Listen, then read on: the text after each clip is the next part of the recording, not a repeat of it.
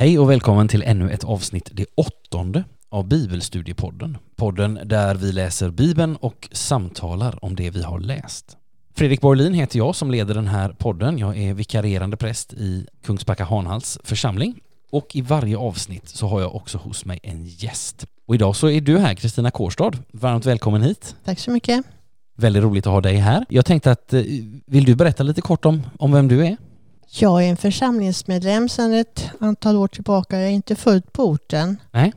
Så att det är mycket jag inte känner till, eller många människor jag inte känner till. Nej. Men nu känner jag mig hemma. Ja. Och jag saknar att inte få träffas i kyrkan, Mhm. på gudstjänster eller Mm. i kaféet över en kopp kaffe. Mm. Eh, Men jag tycker det här är väldigt positivt. Ja. Att vi får prata så här. Jag tycker, att det, jag tycker också att det är väldigt positivt att vi kan prata så här och jag inser ju av de som lyssnar på detta tror jag att jag är nog en, en okänd röst för många men, men, men många av er som är här och eh, som har kommit hit till det här sammanhanget och som kommer i kommande avsnitt är ju betydligt mer kända och att få höra en känd röst det är ju väldigt gott så att eh, stort tack för att du är här och bidrar Tack. med din kända röst Tack.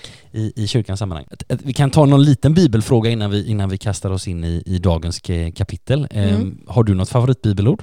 Ja, jag har ett som betyder väldigt mycket för mig som jag fick av en okänd eh, bänkgranne i Onsala kyrka Aha. i en period när jag verkligen behövde stöd. Och det är från Jeremia 29, vers 11. Vill du läsa det? Jag vet vilka avsikter jag har med er, säger Herren. Välgång, inte olycka. Jag ska ge er en framtid och ett hopp. Och det har varit väldigt gott. Jag tycker att det tog en, ett tag innan jag la märke till att det var välgång och, och lycka. Men eh, det kom och det Mm. har, har varit i Mm. stort sett sedan dess. Mm. Så att eh, det är jag väldigt tacksam för att jag fick av den här Ja. okända kvinnan. Ja, vad härligt. Mm. Och- Gott, och, och då, då, då gissar jag att du har burit med dig det här, för den här händelsen inträffade inte i förra veckan utan, Nej, det utan det var var- ganska många år sedan. Ja. Mm. Gott att bära med sig bibelord Ja. över så lång tid. Och att Absolut. liksom, ja, bära dem med sig helt enkelt. Vi ska göra så här att vi ska hoppa in i kapitel 8 nu i Markus, men jag tänkte att jag skulle bara först säga några inledande ord, för det händer lite saker i just det här kapitlet som gör att vi behöver liksom sammanfatta vad vi tidigare har varit med om lite kort och sammanfatta i synnerhet detta med lärjungarna. För i sju kapitel så har vi nu följt Jesus och vi kan liksom se hur bilden hela tiden breddas och blir tydligare över vem, alltså bilden av vem Jesus är. Vi förstår liksom bit för bit allt mer av vem han är när vi läser om vad Jesus säger och vad han gör. Och då inte minst genom de anspråk och tecken som Jesus gör, såsom att han förlåter synder, han kallar sig för Herre över sabbaten, att han mättar många människor, att han har makt över de onda andarna, att han botar sjuka, undervisar, diskuterar eller kanske snarare debatterar och konfronterar och konfronteras med de skriftlärda och fariseerna och andra.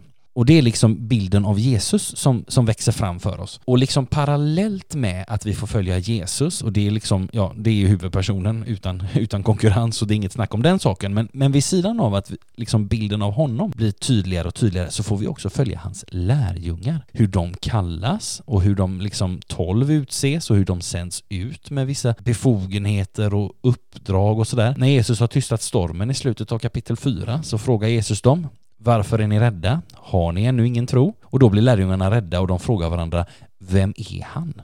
Till och med vinden och sjön lyder honom. Och ja, så i kapitel 4 har de inte riktigt förstått vem han är. Och sen så jobbar vi oss framåt och så mot slutet av kapitel 6 när vi läser om hur Jesus går på vattnet, liksom en, ett snarlik händelse intressant nog, så står det att och han steg i båten till dem och vinden lade sig, men de blev utom sig av häpnad.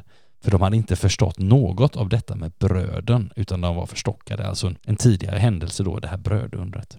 Så lärjungarna är alltså inte några direkt mönsterelever, utan emellanåt så framstår de faktiskt som okunniga och oförstående och ibland också ganska ovilliga. Men, och det är nu vi börjar zooma in på vad som händer i dagens kapitel. Här i det åttonde kapitlet så trillar en viktig polett ner för lärjungarna, eller åtminstone för Petrus. Och det innebär också att Jesus kommer att börja tala om sig själv på ett nytt sätt.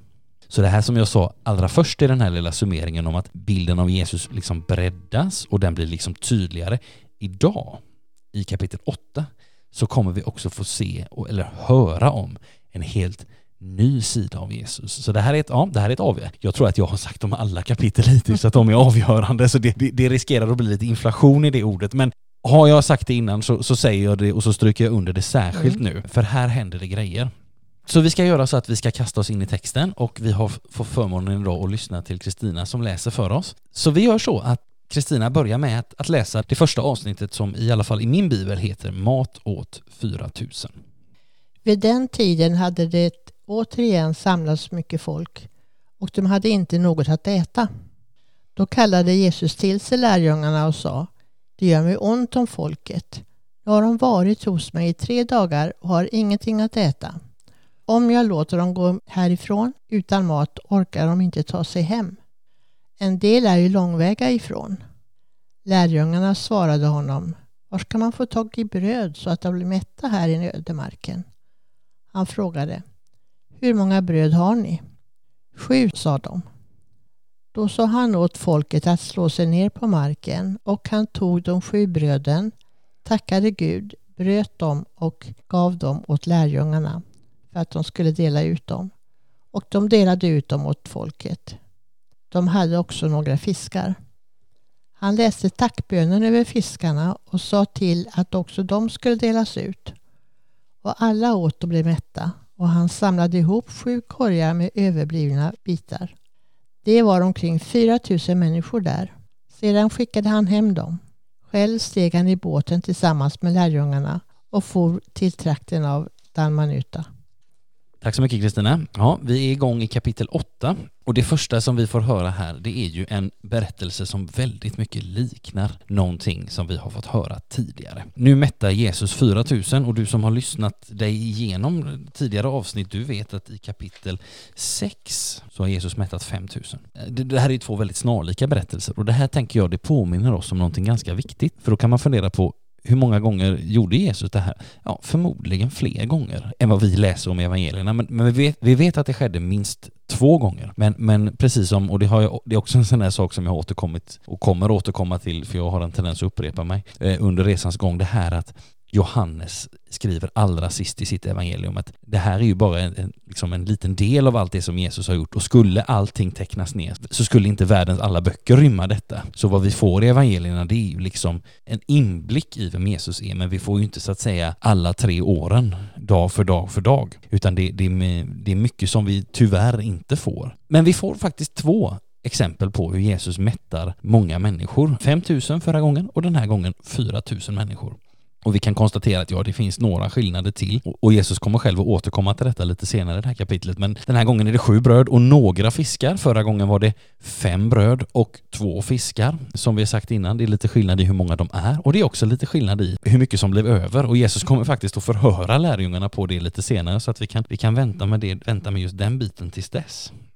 Sen kan vi också notera någonting som är intressant i det här kapitlet, att det är förmodligen det kapitel där Jesus reser mest. Det står att han steg, steg i båten allra sist i det här avsnittet och det gör han även i nästa avsnitt. Och sen så får vi höra ytterligare några tillfällen om hur han är på olika platser. Så att Jesus, här är han verkligen på vandring. Här har liksom den här vandringen, han har varit uppe i Galileen och han är det fortfarande men Snart ska han ju börja sin vandring också ner mot Judeen och i södra Israel mot Jerusalem och det som ska hända på påsken som han kommer att börja prata om redan idag. Så att det här att Jesus liksom är på väg mot Jerusalem, mot påsken, korset, lidandet och så vidare, det, det är liksom lite grann, det ser vi lite grann förstadiet av nu.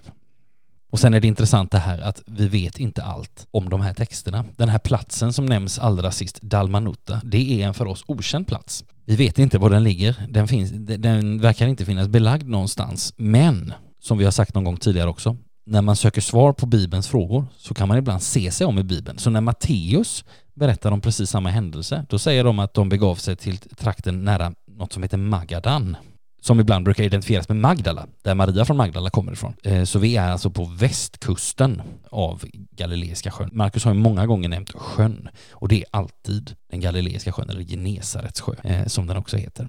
Men han far fram och tillbaka här i kapitlet och det kommer han göra också. Det har han gjort också innan.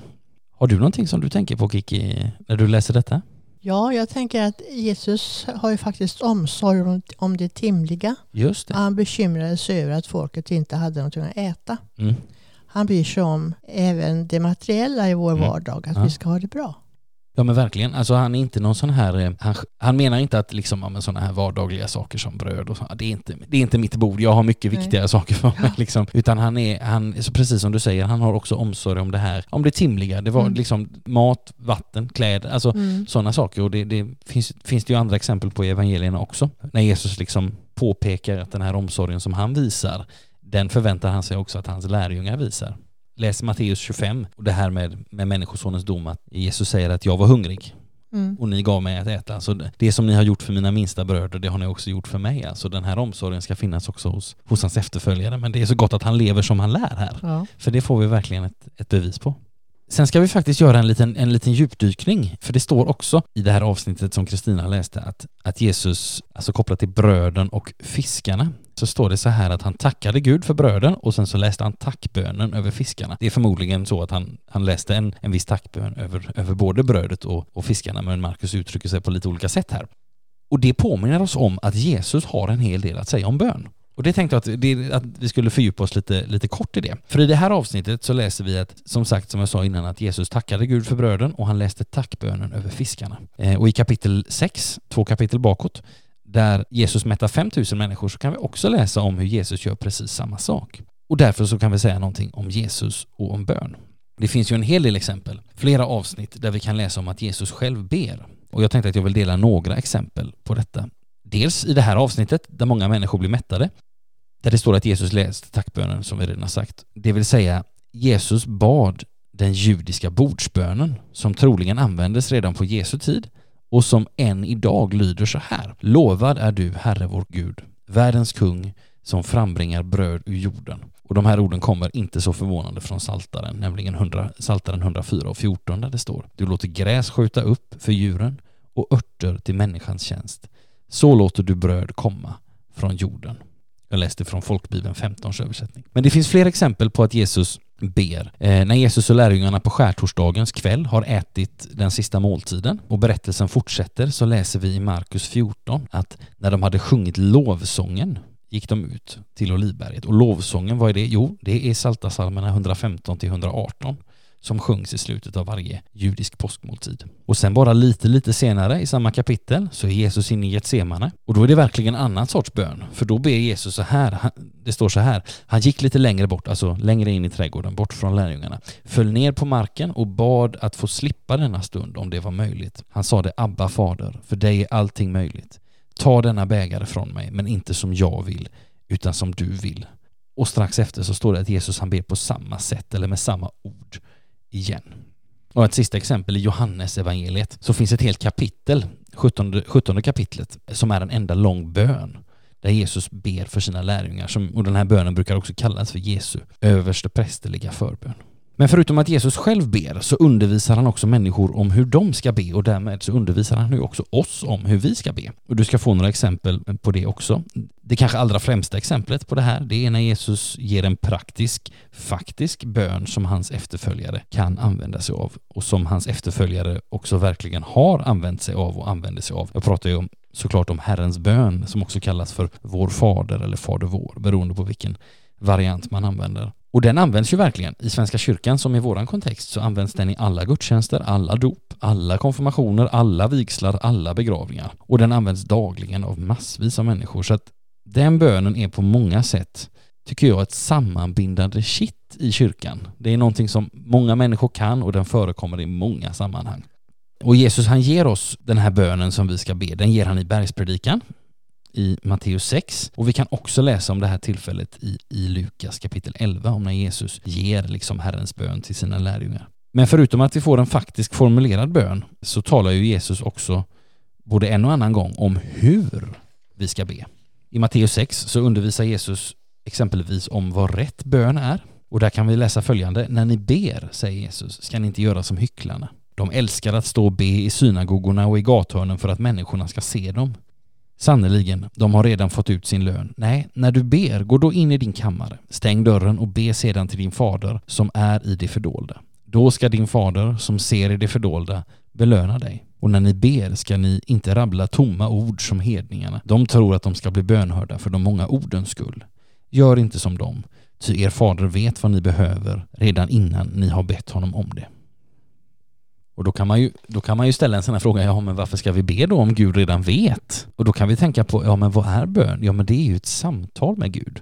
Ett samtal där vi får tala med honom, men där vi också får lyssna in vad han säger. Lyssna in hans svar. Alltså hur många samtal har vi inte haft i våra liv om vissa saker med personer som redan vet vad vi tycker, men det är inte Samtalet handlar inte bara om att vi ska få säga vad vi tycker eller säga vad vi anser om en viss sak som vi kanske har sagt 10, 20, 50, 100 gånger till en nära, nära vän eller en partner eller vad det kan vara utan det handlar ju också om att när vi samtalar och när den andra svarar så kan vi också börja se på saker på ett nytt sätt och saker kan hända. Så att be till Gud, precis som Jesus stryker under det gör vi inte för att upplysa honom så att Gud skriver upp på en lapp, jaha nu ville Fredrik ha det och det och sådär, utan det handlar ju också om att det blir ett samtal där jag också lyssnar på svaren. Och därför, och det tänker jag, det hör, också, det hör också nära samman med, vilken plats är det lättast att höra Guds tilltal? Är det i gathörnen eller är det i din kammare? Ja, jag skulle säga definitivt i min kammare. Sen, sen så får vi faktiskt, vi får, du ska få några exempel till här på liksom när Jesus undervisar om bön. I bergspredikan så får vi också en sån här uppmaning att be. Jesus säger i Matteus 7 så här, be så ska ni få, sök så ska ni finna, bulta så ska dörren öppnas. Ty den som ber han får och den som söker han finner och för den som bultar ska dörren öppnas. Och det här är intressant det här med bulta på dörren, det är ju inte något sånt här litet Oho, utan det är ju oftast att liksom slå ganska hårt tänker jag. Det är, för mig, jag vet inte vad du säger Kristina, men, mm, men det är att bulta på dörren är ganska hårt och jag tänker att vi hörde för en stund sedan om Jesus bad i ett semane och det är ju väldigt innerligt och det är liksom låt mig slippa detta. Alltså det är verkligen att bulta liksom. Att, att, det kan också vara någonting att utforska kanske. Just det här att också, att det står faktiskt inte knacka på dörren. Eller liksom skrapa lite med pekfingernageln sådär, utan det står bulta. Och det kanske, ja, jag vet inte, men jag, jag tror att det vill säga oss, påminna oss om någonting. Och så ett sista, en sista påminnelse. I Johannes 16 så talar Jesus om vikten av bön i hans namn. Och det blir sista, eh, det sista ordet i det här ämnet. För Jesus säger så här i 16 och 23 i Johannes. Sannerligen, jag säger er, vad ni ber Fadern om i mitt namn, det ska han ge er. Ännu har ni inte bett om något i mitt namn, säger han till lärjungarna. Be och ni ska få, så att er glädje blir fullkomlig. Och här kan vi ju tänka att okej, okay, så att om vi bara ber i Jesu namn så får vi vad det än är. Ja, det är ju lätt att tänka så för det, det skulle ju vara väldigt spännande och jag har ju själv tänkt att ja, men en, ett par nya bilar och sådär skulle inte vara fel. Men, men vad, vad, vad, betyder då detta? Jo, men i Jesu namn, det betyder ju också att det här är i enlighet med, så att säga, med Jesu vilja. Och när det står er glädje ska bli fullkomlig, då handlar det ju inte så att säga om den glädjen jag kan känna efter att ha fått fem nya bilar, eh, utan då handlar det om den glädje som så att säga evangeliet ger, alltså den glädje som Gud vill ge, som, som är djupare än eventuella nya bilar och sådär, alltså det, om vi nu ska använda den barnsliga bilden. Så att man, eh, man, man, ska också alltid, tänker jag när man läser de här avsnitten om när Jesus talar om bönen också, att man ska också vara vaksam på att det är han som talar. Det är han som är den som lyssnar och det är han som undervisar och vi ska vara lite försiktiga med att alltid blanda in våra egna preferenser på vad vi vill ha i, liksom vad vi vill ha av rent jordiska saker. Alltså vi, vi konstaterade för en stund sedan att Jesus har ju omsorg om det. Men de fick ju bröd. De fick inte nya bilar. det är ju inte så konstigt för det var 2000 år sedan. Men, men, eh, men ändå, alltså att det, det, det, det står att Jesus delade inte ut guld till dem, utan han gav dem vad de behövde, det vill säga bröd. För de var i ödemarken och hade inte ätit på länge. Så det kan vara en poäng att göra därifrån. Så för att sammanfatta, det finns en hel del bibelavsnitt att dyka ner i när det kommer till detta med Jesus och bön. Både avsnitt som handlar om Jesu eget böneliv och ställen som presenterar Jesu böneundervisning. Och sen har vi ju Saltaren i Gamla Testamentet som, som brukar kallas för Jesu bönbok, men det får vi ta en annan gång för ja, det, det är gott att tänka på att det finns alltid mer att upptäcka. Men nu ska vi upptäcka resten av Markus 8.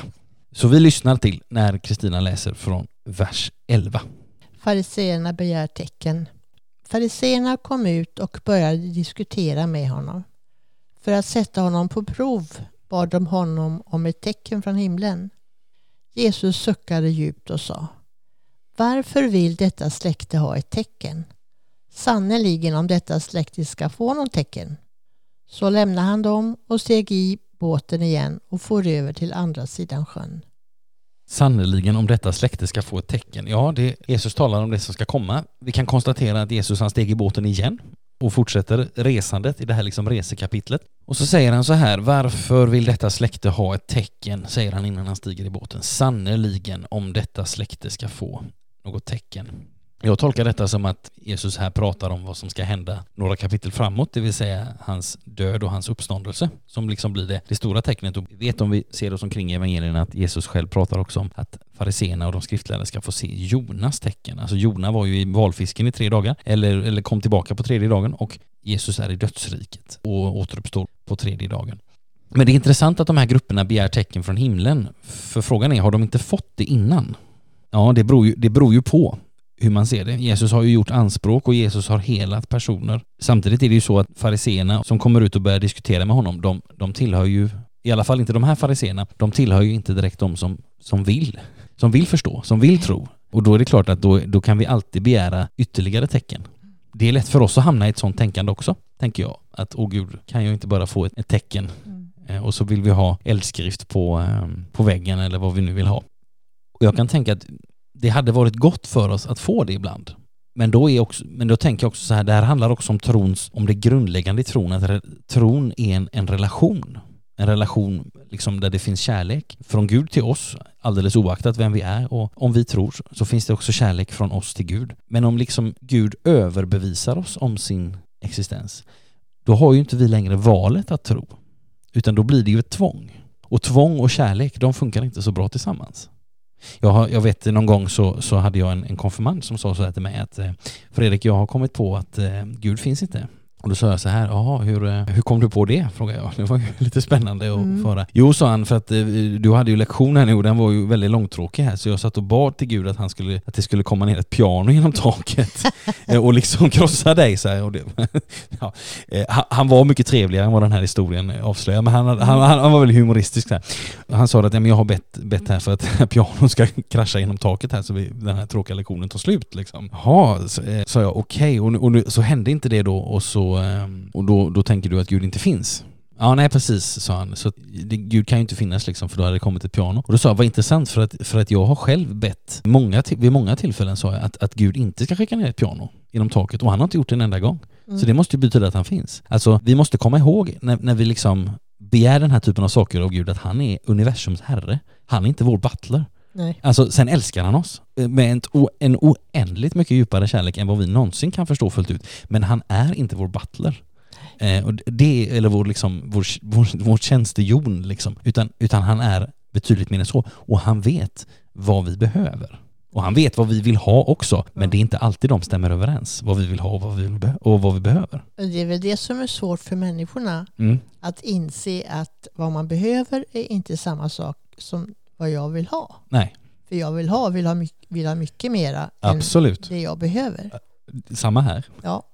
Men det finns en, liten, det finns en skillnad där i. Ja. Mellan vad vi vill ha och vad vi behöver. Och ja. Gud känner till båda två. Ja. Men han responderar inte på båda två på samma Nej. sätt. Gott. Vi, jag tänker att eh, om vi inte har något mer att säga om just det här avsnittet så tänker jag att vi läser vidare. Mm. Så nu ska vi få lyssna till brödet och surdegen. Lärjungarna hade glömt att ta med bröd ett enda bröd hade de med sig i båten. Jesus varnade dem. Se noga upp med både fariseernas och Herodes surdeg. Men de sa till varandra att de ju inte hade bröd med sig.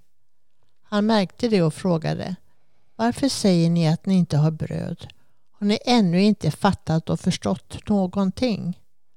Är ni så förstockade? Kan ni inte se fast ni har ögon och inte höra fast ni har öron? Har ni glömt hur jag bröt de fem bröden åt de fem tusen? Hur många korgar plockade ni då fulla med rester? Tolv, svarade de. Och efter de sju bröden till de fyra tusen? Hur många korgar fulla med rester fick ni då? Sju, svarade de. Han sa, förstår ni fortfarande ingenting? Tack så mycket Kristina. Jag, jag, tycker att det här med surdegen, ja. det kan jag se att vi har många idag också. Ja.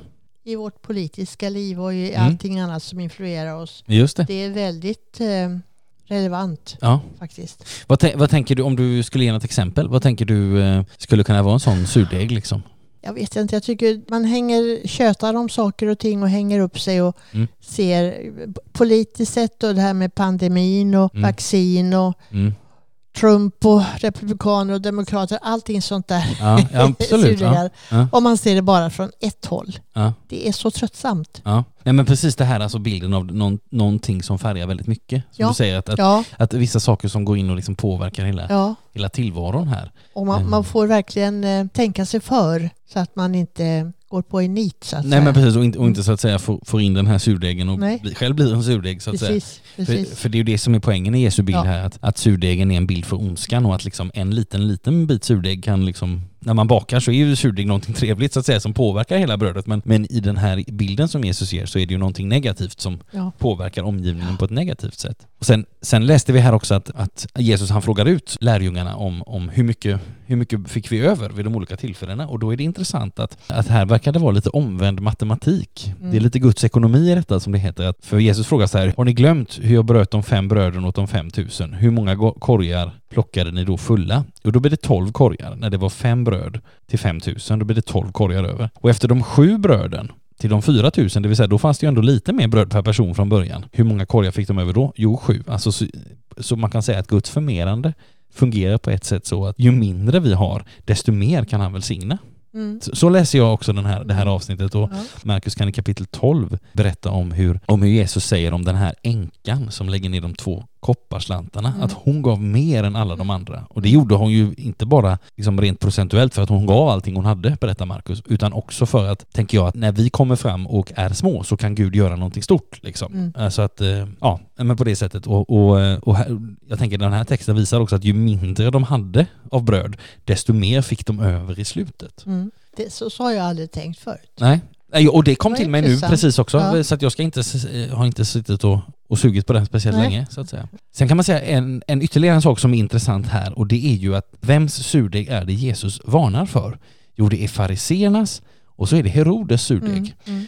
Och då kan vi bara kort dra oss till minnes, vad vet vi om fariseerna? För vi har ju faktiskt hört om dem i tidigare avsnitt. Jo, vi vet att det var en, en rörelse, de var väldigt nitiska i, i liksom att tillämpa lagen på olika situationer i vardagen. Och så ville de liksom att människor skulle följa detta och de hade uppsikt och de kunde fråga ut folk om de tyckte att de inte, att de inte följde detta. Och de var ju också en väldigt folklig rörelse, så att, att liksom många hade stor respekt för fariseerna. Jesus anklagar dem för liksom en, en falsk rättfärdighet, att de har liksom en falsk trygghet i att de bara att de gör på ett visst sätt. Och, och det, är liksom, det, är liksom, det är en sorts surdeg och sen så pratar han om Herodes surdeg och vad vet vi om Herodes? Jo, i kapitel 6 så fick vi en ganska bra inblick när Johannes döparens död beskrevs, hur det gick till på, alltså på Herodes hov. Och, och man får en, en bild av ett ganska gränslöst och dekadent sammanhang, alltså där man har beskrivit eh, Herodes och, och liksom det här som livet då som, som han levde, att, att det, var, det var väldigt världsligt på det sättet. Det fanns en väldigt njutningslystnad i den här hovmiljön. Eh, människor var religiöst likgiltiga. Och det var mer av en, så att säga, om, om fariséerna var en väldigt folklig rörelse, så var ju Herodes hov, det var ju mer en överklassmiljö. Så att när, när Jesus säger att han varnar för fariséernas surdeg och Herodes surdeg, så är det liksom inte en och samma, utan det är två helt olika surdegar. Mm. Och jag tänker att det kan också vara en bild till oss, liksom att det finns inte bara en sorts surdeg, utan, eh, utan eh, som vi var inne på innan också, utan fariséerna står för en sak som vi ska vara aktsamma med, så att säga. Och, och Herodes representerar någonting annat som vi också Mm. ska akta oss för. Och sådär. Ska vi läsa vidare? Mm. Då ska vi få höra om en blind man utanför Betsaida botas. Då de kom till Betsaida förde man fram en blind och bad Jesus röra vid honom. Han tog den blinde vid handen och ledde honom ut ur byn. Sedan spottade han på hans ögon, la sina händer på honom och frågade Ser du något? Mannen öppnade ögonen och sa Jag ser människorna. De liknar träd men de går omkring. En gång till la han sina händer på mannens ögon. Och nu kunde han se riktigt och var botad och såg allting tydligt. Jesus skickade hem honom med orden Gå inte ens in i byn. Ja, tack Kristina. Två saker kan vi bara notera kort innan vi ska fortsätta. De kom till Betsaida, Betsaida stod det, och var ligger då det? Jo, det är mera norrsidan av eh, Genesarets sjö. Så att de är fortfarande kvar kring sjön, även om, om de är på vandring så är de liksom, de, de cirkulerar kring sjön helt enkelt. Och nu är de på norrsidan. Och sen så är det två intressanta saker i den här texten. Dels så är det ett kärt gammalt tema, det här att Jesus förbjuder människor att berätta om vad de har varit med om. Och här tror jag nästan han är så så skarp som han någonsin blir i det fallet. För allra sist så säger han, han säger inte, berätta inte för någon, utan han säger, gå inte ens in i byn, alltså, för då kommer du att berätta. Utan alltså så att den här röda tråden som vi har sett ända från början egentligen, om att Jesus liksom hindrar människor från att, från att berätta om honom. Och vi har också fått förklaringar på det tidigare. Här blir det också väldigt starkt att nej, men du ska inte ens gå in i byn för då kommer du att berätta och, och, och jag, har, jag vill liksom ha någon slags kontroll här på den här rörelsen. Liksom. Det är det ena. Sen är det det andra som är intressant att det här är ju en i raden av många helanden. Men det som skiljer ut just det här helandet eh, tror jag från alla andra helanden i Markus det är att i alla andra helanden så läser vi att personerna blir omedelbart friska. Jesus tar någons hand eller säger ett ord eller gör någonting och människor blir friska. Men här, så blir det, här beskrivs ju ett gradvis helande. Alltså Jesus han, han gör det han gör, han eh, tar den blinde vid handen, leder ut honom ur byn, det har han gjort vid något tidigare tillfälle också, spottar på hans ögon. Ja, det är lite märkligt, men så står det att han gjorde. Eh, han la sina händer på honom och frågade, ser du någonting? Och mannen öppnar ögonen och säger, jag ser människorna, de liknar träd, men de, går, eh, men de går omkring. Och en gång till lägger Jesus sina händer på mannens ögon. Och nu kunde han se riktigt och vara botad, det vill säga att helandet sker gradvis. Och varför gör Jesus så här? Hade han liksom inte tillräckligt med kraft för att hela den här mannen så att säga på stubben? Jo, självklart hade han det. Men han, jag tror att det står här för att visa för oss att Jesu helanden ibland sker direkt, ibland sker de gradvis.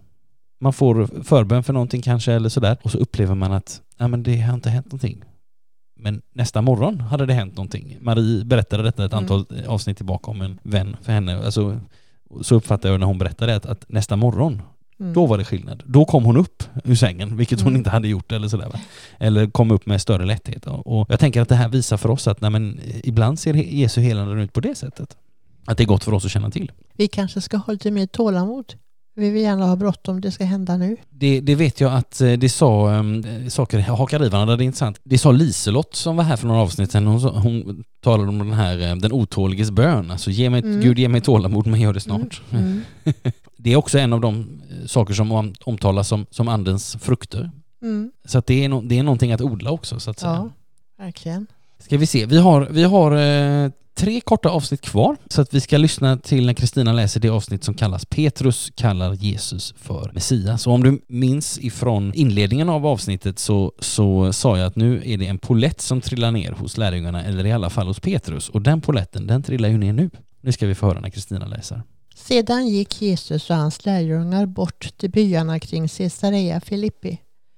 På vägen frågade han dem, Vem säger människorna att jag är? De svarade, Johannes döparen. Men somliga säger Elia, andra att du är någon av profeterna. Då frågade han dem, Och ni, vem säger ni att jag är?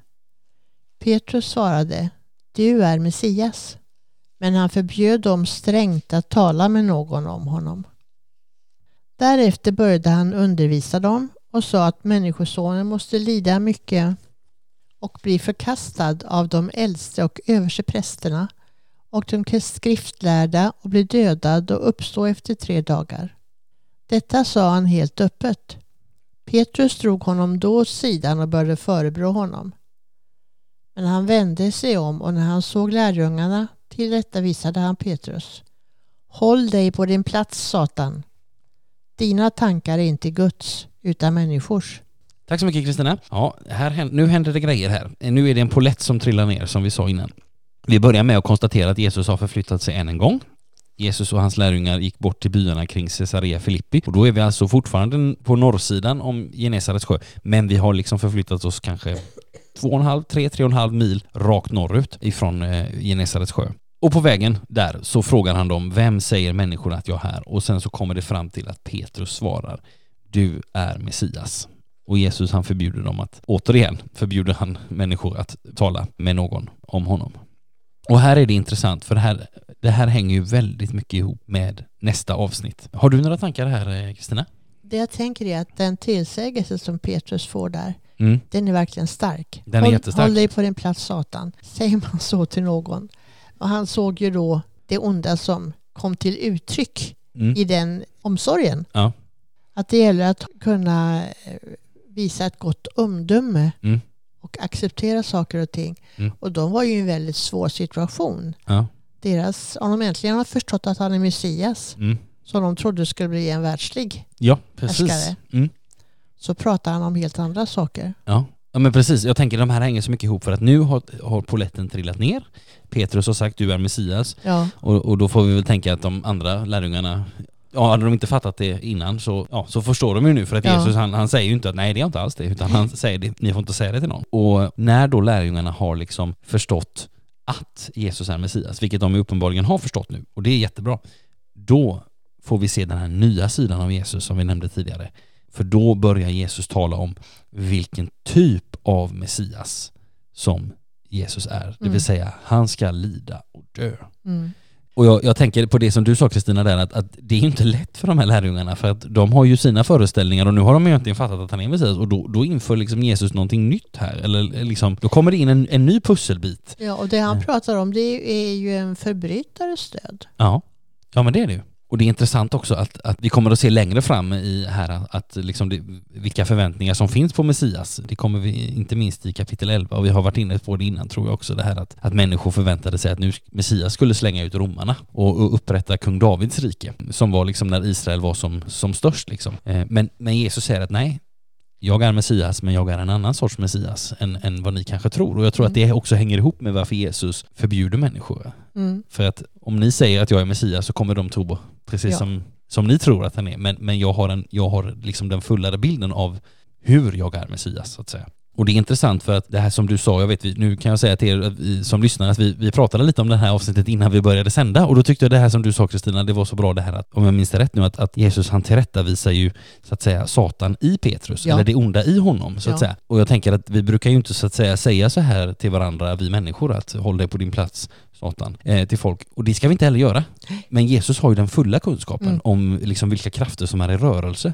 Och vi märker ju här, och det tycker jag är intressant, att när Jesus nu avslöjar vilken typ av Messias han är, att han ska lida och dö, då är direkt ondskan, då liksom flyttar de fram sina Mm. positioner och försöker på något sätt att, att liksom schackra med det här eller spela bort korten. Och, och det är också därför tror jag som Jesus reagerar så starkt här. För, för, att, för att här talar ju Jesus om det absoluta centrum i det han ska göra, det vill säga Mm. han ska lida och, och dö och uppstå och, och liksom öppna vägen Mm. vägen till Fadern och till, liksom, till evigheten för människor. Och, och när han då avslöjar detta, ja men då kan ju inte ondskan liksom sitta i ett hörn och vänta. Och Nej. tänka, utan då måste de ju agera, då måste Ja. ju ondskan agera. Och det är därför också Jesus är så tydlig i liksom sin förmaning här på Ja, något och sätt, det tänker är jag. jätteviktigt att han sätter en gräns där för lärjungarna så att Mm. de förstår. Ja men det är det faktiskt. Och jag tänker också så här att det, det är som, vi, som också är en sån här bärande mening, när Jesus när han säger hårda ord så är det, eller liksom såna här som vi kan liksom Mm. studsa till på, Mm. ja men då är det, allt, det är aldrig skrämseltaktik. Nej. Utan det är varningar i kärlek. Mm. Men samtidigt är det utmanande för oss att läsa det här. Ja, det är det. Ehm, Även om jag, liksom, den bilden som du gav där också var väldigt klargörande. Men, men det, är ju, alltså det är fortfarande en utmanande text och det, det, det ska vi inte backa ifrån så att säga. Men jag tänker att, att kunna se det just, att nu avslöjar Jesus någonting nytt. Poletten har trillat ner, han avslöjar någonting nytt. Det är absolut liksom kärnan. Ondskan flyttar fram positionerna och där Mm. måste Jesus markera. Alltså Mm. det, Ja. det, jag, jag, jag tycker att det blir lite lättare att, att förstå. Vi ska, innan, innan vi eh, lyssnar till Kristina som läser det sista avsnittet så ska vi bara notera en liten snygg detalj. Eh, vi hörde ju att Kristina läste överskriften här i Bibeln där det står så här första förutsägelsen om Människosonens lidande. Och det är ju för att det finns två stycken till. Andra som kommer i nästa kapitel och tredje förutsägelsen som eh, kommer i, i nästnästa kapitel. Och det som är lite snyggt här det är att om du har du Bibeln framför dig så kan du gärna slå upp och följa med här men vi har ju precis fått höra lite tidigare om när en blind man botas.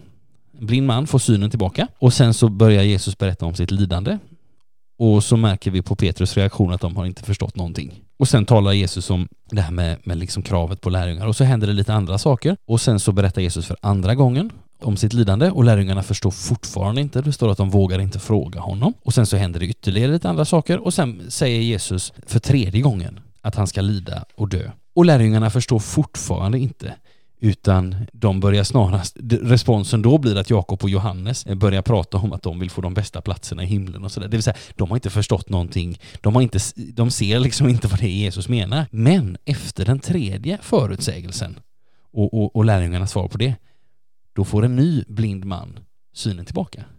Så den här är liksom som en, som en liten godbit i sig själv. Det här att tre gånger säger Jesus att han ska lida och dö. Lärjungarna ser inte liksom den fulla bilden, de fattar inte. Men både före och efter, nu gestikulerar jag med händerna men det ser ju inte ni som lyssnar. Men, Mhm. men både före och efter den här tre-serien att lär, som visar för oss att lärjungarna inte ser så ger Jesus synen till en blind man, alltså både före och efter. Och jag tycker att det är en liten snygg detalj. Mm. Det är, det är inte ens säkert att Markus har, har tänkt på detta, men jag, jag tror att, att han har det. För att eh, vi ska också komma ihåg att eh, innan Markus skrev sitt evangelium, alltså kanske år 60, 70, 50, vi vet inte exakt, men, men 20-30 år efter Jesus dog och uppstod.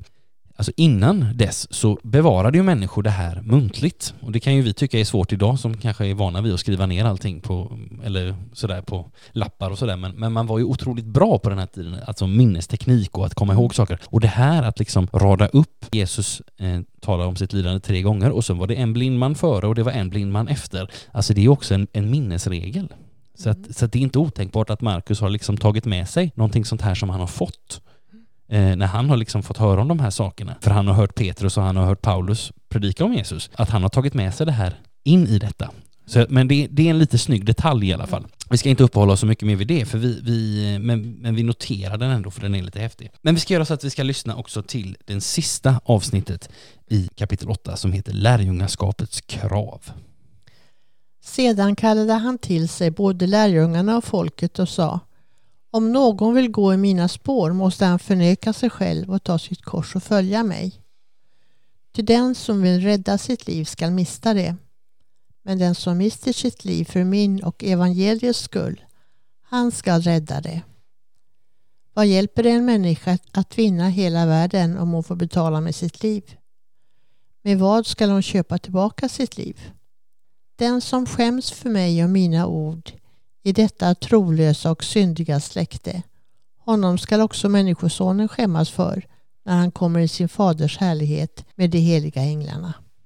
Och han sa, sannerligen några av dem som står här skall inte möta döden förrän de har sett Guds rike komma med makt. Tack så mycket Kristina. Då har vi fått det sista avsnittet ifrån kapitel 8 och också, ja, och faktiskt en vers också från början av kapitel 9 som ju hänger ihop med detta. Jag tänker bara några korta kommentarer till detta. Vi har varit inne tidigare på det här att lärjungarna de sänds ut och de ska göra det som Jesus gör. Han predikade och undervisade, det ska de göra. Jesus har makt över demonerna, det har de också. Och här får vi en lite annan sida av detta. Att lärjungarna ska göra det som Jesus gör. För Jesus talar om sitt lidande och sen så är han så ärlig att han också säger att det kan också innebära lidande för er. Kristen tro är inte, tyvärr inte får man väl kanske säga om man, om man tänker så, att, att glida runt på en räkmacka, utan, utan det kan också vara motgångar och prövningar. Ibland, precis som alla andra människor som tampas med allt möjligt, liksom sjukdomar och brustna relationer och allt vad det kan vara. Men, men ibland också lidande just på grund av tron. Att man liksom, människor ifrågasätter och hånar och, och sådär. Och då tänker jag att när vi läser sådana här ord som varnar för det, så tänker jag att det är så gott att ja, men Jesus har i alla fall förvarnat oss. Han har inte, för det hade varit, det hade varit värre om Jesus hade sagt så här att nej men ni kommer att bli kungar liksom och alla kommer att bara se upp till er kristna liksom som följer mig och ingen kommer att kritisera er eller ifrågasätta er eller kalla er för dumma utan allting kommer att liksom, nej, utan Jesus han talar ju om hur det faktiskt är här och, och, han talar om det som är, jag tror många kristna idag kan känna igen sig också på något sätt. Och det är samtidigt lite skrämmande. Jo men det är det. Vi vill inte vara den som eh, står och blir hånad eller Absolut utkastad. inte. Nej. så att man får ju verkligen eh, tänka igenom saker och ting. Ja. Det är tufft för lärjungarna att höra Mm. det här också. Ja, jo jag. men det är det. Sa- Samtidigt som, och det, det är intressant det här och jag tänker också att det här är Alltså vi, vi läser om hur Jesus på olika sätt förbereder dem för, alltså han drar sig undan Ja. med dem på olika sätt och han, han liksom undervisar och det står när, när det kommer, liksom när det är liknelse så, så står det på något ställe eller kanske på flera att Jesus han, förkl- han, förkl- liksom, han berättar liknelsen och sen så undervisar han lärjungarna lite mer liksom, så att de ska vara bättre rustade för att också kunna undervisa andra och sådär. Men, men jag tänker att också att den här typen av berättelse handlar ju också om att Jesus rustar dem liksom. Och, och det blir ju också en hälsning att Jesus säger att ja, men, det kan kosta på liksom. Och det här innebär, alltså att följa mig innebär också någonting nytt. Sen så tänker jag så här att det också finns någonting väldigt, väldigt, alltså det finns ett väldigt starkt löfte i den här texten. Mm. För att Jesus talar ju om ett, ett gammalt liv och ett nytt liv. Liksom. Och att de kan liksom inte existera sida vid sida. Den som liksom ska rädda sitt, sitt gamla liv, som vill rädda sitt gamla liv, han ska mista det. Eh, och så vidare och så vidare. Men jag tänker, där ligger också ett löfte, för det är ju inte alla människor som vill, som vill ha kvar sitt gamla liv. Nej. Det finns ju massvis av människor som lever liv som de tycker är helt förfärliga. Och, för, och jag tänker att från, från det perspektivet så är det här också ett underbart erbjudande liksom. Alltså det är inte bara åh, måste jag lämna det här eller det här som jag tycker om? Och det, det kan vara sådär att ja men Jesus vill peka ut saker för oss som att det här behöver du lämna. Men jag tänker också, det finns också massa saker som vi kan lämna som är väldigt gott för oss att lämna. Ja. Eh, Jag tycker den här versen talar till nutidsmänniskan Mm. väldigt, väldigt mycket. ja, Den är mycket relevant idag. ja. Om vi vågar. Ja, om vi vågar, absolut. Och jag, jag tänker ibland så kan man undra, alltså vi säger ibland och det gör vi med rätta att Bibeln talar till oss idag. Mm. Men ibland kan man undra om inte vissa av de här orden som Jesus säger är mer riktade till oss idag än vad de var till lärjungarna. För om man, tänk, om man tänker på Jesus när han står här och pratar om att till exempel, alltså det här med att rädda sitt liv och att liksom ha klamrat sig fast vid väldigt mycket ägodelar Mm. till exempel. Alltså då måste Jesus ha tänkt att ja det här kan ju vara en utmaning för mina lärjungar nu, men tänk bara på mina lärjungar, ja men typ i Sverige år 2021. De kommer ju få problem med det här. Mm. Det kommer bli en Mm. utmaning för dem. Mm. Så, och, och då är frågan, är inte de här orden nästan ännu mer till oss än vad de är för de här lärarna? Alltså om man, om man tänker som det här rädda sitt liv i termer av ägodelar. Mm. Mm. Absolut. Mm. Ja, det är intressant för, för liksom ordet talar till oss idag också. Jag tänkte på en, på en sak till faktiskt. En historia som jag hörde för ett antal år sedan. Det är apropå den här eh, allra sista versen i kapitel 8. Där, där det står så här. Den som skäms för mig och mina ord i detta trolösa och syndiga släkte, honom ska också människosonen skämmas för när han kommer i sin faders härlighet med de heliga änglarna. Det där är också en väldigt utmanande vers, tänker jag. Alltså det här att, att jag tror att många, många kan brottas med det att man ibland inte har vågat vara så, så frimodig som, som, man har, som man skulle vilja. Och jag har själv tänkt många gånger så åh, man skulle vara mer frimodig. Men jag hörde en, en berättelse som en, en, eh, en ung människa eh, delade i ett, eh, ett lägessammanhang, det här var ganska många år sedan. Hon berättade om hur hon hade det i sin högstadieskola. Och hon hade, hon hade flera vänner som hon umgicks med ja, efter skolan och, och sådär. Och de hade liksom gemensamma intressen och, och sådär. Men det fanns ett problem. Det var att när de väl var i skolan så låtsades ingen av hennes vänner om att de överhuvudtaget kände henne. De hälsade inte på henne i korridorerna. De ville inte befatta sig med henne för att de tyckte väl på något sätt att hon var inte tillräckligt ja, statusfylld eller vad det nu var. Men, men de, de, de, var ändå på något sätt vänner. Liksom vissa tider på dygnet liksom, och då, liksom så. Men inte annars. Och jag, jag kommer ihåg att det här var, den här berättelsen som hon berättade otroligt mycket bättre. Den grep tag i mig väldigt mycket. Men jag tänker att det är också lite på samma sätt här. Jag tänker att den här berättelsen talar så starkt eftersom vi, om vi vänder på den så skulle ju Jesus aldrig, aldrig så att säga låtsas som om han inte kände oss i något visst sammanhang. Utan han skulle ju så att säga gladeligen kalla, oss för, kalla ju oss för sina vänner dygnet runt så att säga. Och, och därför är det en inbjudan för oss att också vara frimodiga. Sen kan det vara svårt, men jag tyckte den bilden, den var så stark med de här så att säga halvvännerna. Det ligger en utmaning i detta. För Jesus han säger, jag kommer aldrig att skämmas för någon som inte skäms för mig. Liksom, ni behöver aldrig oroa er att, att jag någon gång kommer att liksom falla till föga. Och därför vill inte jag att ni gör det heller. Var frimodiga liksom. Och där behöver vi liksom upp, uppmuntra varandra Ja. till det. Mm. När vi hamnar i situationer som är där vi kanske inte riktigt kan stå för. Ja, absolut. Och jag, jag, tänker också att vi, ja, och jag tänker också att vi behöver dela det också. Att kunna Ja. bara kunna prata om det med någon vän och säga att "Ja, du vet jag har svårt för det sammanhanget eller Mm. det sammanhanget Mm. och sådär. Att, att också kunna prata och, och liksom styrka varandra i det. För jag tror Mm. att det där, är en, det där är en erfarenhet som väldigt många har. Mm. Att det finns Det tror något sammanhang i någon förening eller jobbet eller släkten Mm. eller vad det nu kan vara Mm. där man känner att "Ja, jag känner mig konstant ifrågasatt. Liksom. Mm. Och att då också att bara kunna tala om det med andra. Ja. Och med Gud men, men också med andra och säga att vi delar detta. Och- Därför är det så viktigt också att ha vänner som du kan dela tron med Ja, det är väldigt viktigt. för att orka. Mm. Och det är också väldigt gott att ha, en, att ha gäster i sin podcast som man kan dela väldigt kloka tankar med. tack. Så det får liksom, på det sättet så syr vi ihop säcken här. Mm. Vi har nu pratat i en ganska god stund här. Väldigt gott att ha det här Kristina. Tack. Tack för, för både för din läsning och för dina goda tankar. Väldigt gott. Och till er som har lyssnat så hoppas jag att ni har känt er delaktiga i det här samtalet och att ni har fått till er någonting. Tills vi hörs igen så önskar jag er allt gott och Guds rika välsignelse. Hej! Hej då.